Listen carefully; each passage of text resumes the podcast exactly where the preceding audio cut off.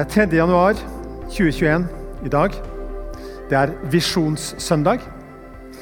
Starten av et nytt halvår så bruker vi anledning til å løfte blikket og se framover og tenke eh, sammen. Hva er visjonen? Hva er det du håper på for din del for 2021? Hva er det du går for i dette nye året? Jeg er helt sikker på at du har gjort deg noen tanker. La oss eh, fortsette med å be sammen.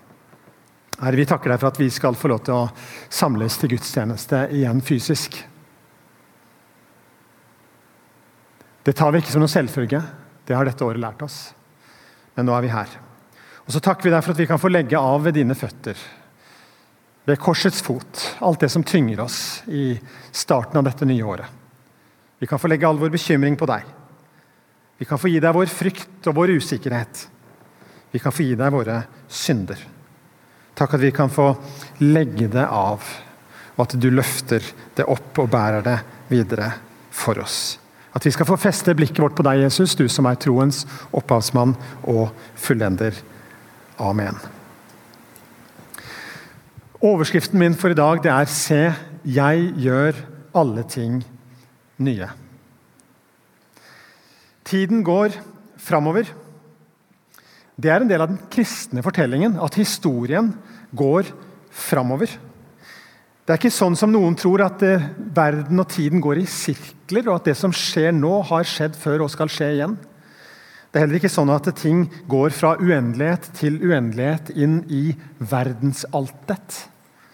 Nei, ting har en begynnelse. I Bibelen står det om en skapelse. Det betyr at Hvis du trekker en sånn horisontal strek bortover, sånn, så får du et punkt hvor du kan sette en, en vertikal strek, og så får du begynnelsen. I begynnelsen, står det i Bibelen, skapte Gud himmelen og jorden. Vi tror i den kristne fortellingen at Gud skapte en god verden. Det var godt. At det skjedde et syndefall, og at Jesus kom inn på denne tidsaksen som et sånt midtpunkt i historien. Og så tror vi at historien siden har rulla og gått, og at den går mot en ende. Det tror vitenskapen også. Før så trodde man gjerne, hvis man ikke trodde på Gud, at verdensrommet er uendelig og tiden er uendelig i alle kanter. Men vitenskapelige observasjoner har vist det siste hundre året at tiden har en begynnelse. Derfor tror også sekulære at det er noe som et punkt i, i verdenshistorien som starta det hele. Og så tror også Den sekulære fortellingen sier også at en dag så skal det ta slutt. Sola skal brenne opp. Det tar riktignok 7,5 milliarder år, så det er ikke noen grunn til panikk. Men en dag så skal alt bare smelte. På samme måte som det var ingenting, så skal det gå tilbake til ingenting. Det er det vitenskapelige verdensbildet denne verden tror på. Men vi tror ikke på en sånn dyster fortelling om at en dag skal alt smelte. Vi tror at Jesus skal komme igjen, og at han skal skape en ny himmel og en ny jord. Vi tror på nyskapelsen. I Åpenbaringen uh, 22, 1-5 så står det Og jeg så en ny himmel og en ny jord. For den første himmel og den første jord var borte, og havet fantes ikke mer. Og jeg så den hellige byen, det nye Jerusalem, stige ned fra himmelen, fra Gud, gjort i stand og pyntet som en brud for sin brudgom. Og jeg hørte fra tronen en høy røst som sa:" Se, Guds bolig er hos menneskene. Han skal bo hos dem, og de skal være hans folk, og Gud selv skal være hos dem. Han skal være deres Gud. Han skal tørke bort hver tåre fra deres øyne, og døden skal ikke være mer. Heller ikke sorg eller skrik eller smerte. For det som en gang var, er borte. Han som sitter på tronen, sa, Se, jeg gjør alle ting nye. Det er det kristne håpet, mine venner. Derfor er ikke vårt håp for framtiden vaksinen. Det er ikke det. Vår framtidsvisjon er ikke at alt skal bli som før igjen. Hva nå det er. At alt skal bli normalt igjen. Det er ikke vår drøm som kristne. Det skal bli bra når ting er litt mer på stell igjen sånn fysisk. At vi kan møtes og klemme og alt det der. Det gleder vi oss til. Men det kristne håpet strekker seg mye lenger fram og til noe mye, mye større og til en mye, mye bedre virkelighet. Helt hvordan det blir, er det umulig for oss å forestille oss. Men Bibelen lar oss forstå at denne framtiden er fylt av glede. Den er fylt av harmoni, den er fylt av skjønnhet, den er fylt av fred, og den er fylt av kjærlighet. Dette året har vi i den vestlige verden, mer enn vi er vant til, opplevd verdens smerte på en måte vi ikke har opplevd før. Rundt omkring i verden er det veldig mange som opplever dette i hverdagen, som vi har opplevd nå dette siste halvåret, og vel så det.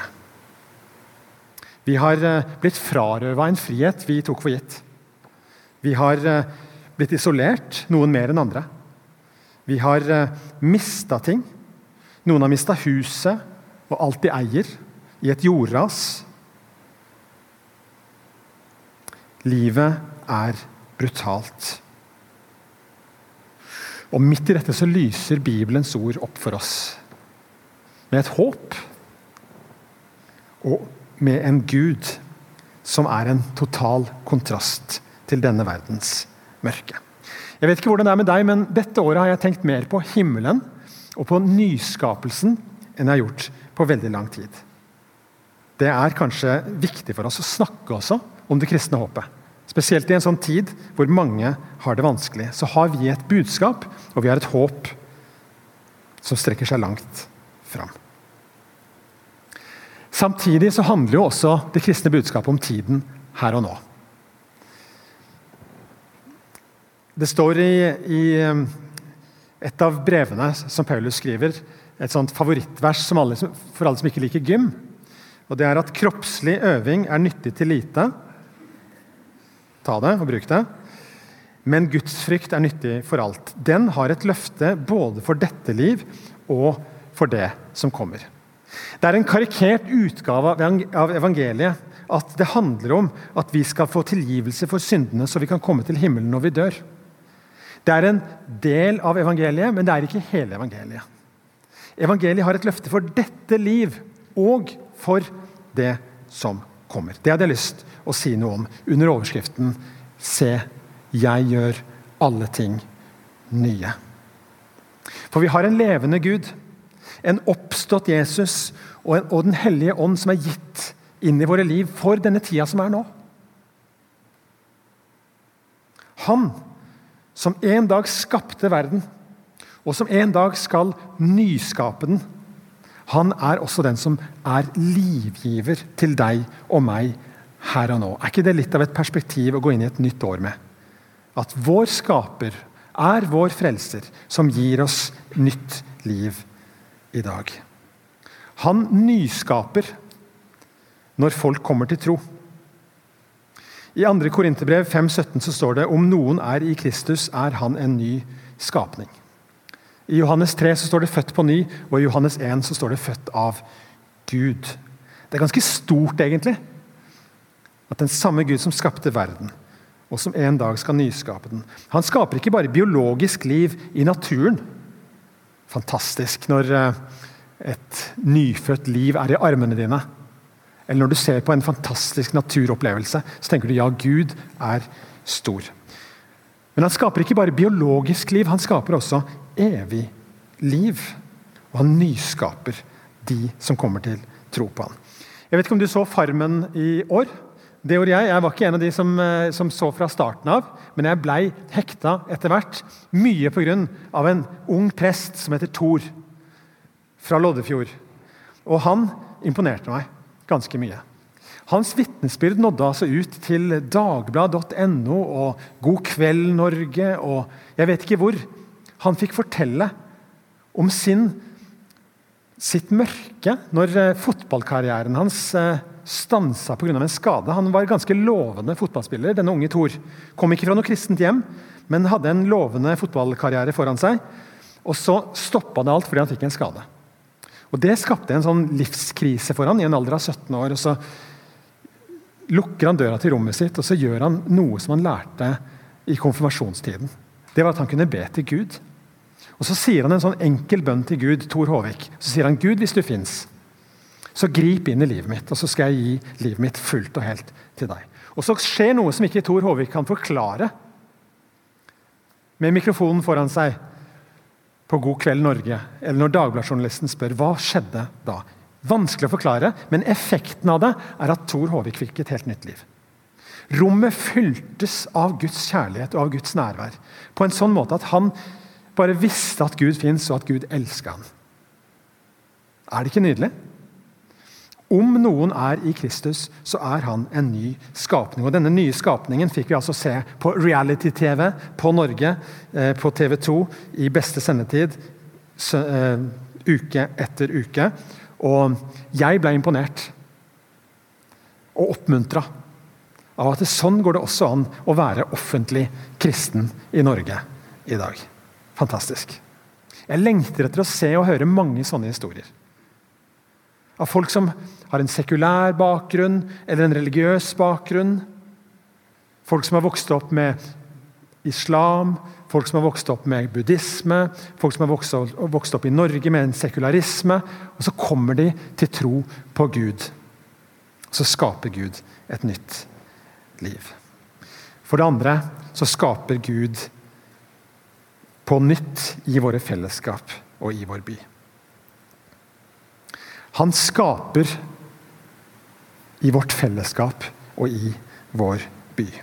For det er nemlig sånn at Alle steder hvor det er liv, der vil nytt liv komme. Der hvor det er dødt, der stagnerer det også. Men der hvor det er liv, der vil nytt liv poppe opp og gro. Og det har jeg troa på at skal skje. I Jesaja 43 så står det Se, jeg gjør noe nytt. Nå spirer det fram. Merker dere det ikke? Ja, jeg legger vei i ørkenen, elver i ødemarken. Og så vet jeg ikke hva du har med deg inn i dette rommet i dag. Jeg vet ikke hva pandemien har gjort med deg. Men det er ikke unaturlig om den tiden vi har lagt bak oss, har vært utfordrende for deg. Det er mange som har opplevd det. Utfordrende for deg som menneske på det psykiske plan. Utfordrende for deg som kristen på det åndelige plan. Det er ikke uten grunn at vi er gitt det kristne fellesskapet som liksom vår arena til å vokse og gro, vår familie til å ta vare på oss. Og så har vi i en fase vært litt frarøva fra det der. Kanskje opplever du at eh, kristenlivet ditt er blitt tørt. At det er som en ørken. At det er som en ødemark. Men det er akkurat i ødemarken Gud skaper nye kilder. Det er akkurat i ødemarken han sender elver. Jeg legger vei i ørkenen, elver i ødemarken. Det er typisk Gud. Historien viser oss gang på gang at når ting var blitt som mørkest, så reiste Gud opp en Whitfield eller en Wesley i England. Og så ble det vekkelse ikke bare i England, men også i Nord-Amerika, som påvirka hele Europa. Det var mørkt på den tiden. Det var ingenting, ingenting som tilsa at her skulle det snart skje noe stort. Pandemien og det pandemien har gjort med oss, er en grobunn folkens, for noe nytt. Fra en levende Gud som er skaper, som er full av kjærlighet, og som gir liv.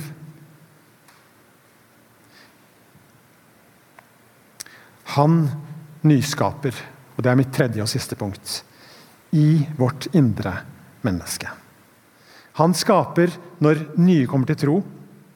Han skaper i våre fellesskap og i vårt land og i vår kultur, men han nyskaper også for oss som tror. Paulus sier i 2. Korinterbrev 4, 17, Derfor mister vi ikke motet. Selv om vårt ytre menneske går til grunne, blir vårt indre menneske fornyet dag for dag. For hvert år som går, så blir jeg eldre. Rynkene og skrukkene trer fram. Ryggen blir svakere. Det går nedover med meg, dere. Men det gjør ingenting. Det gjør ingenting.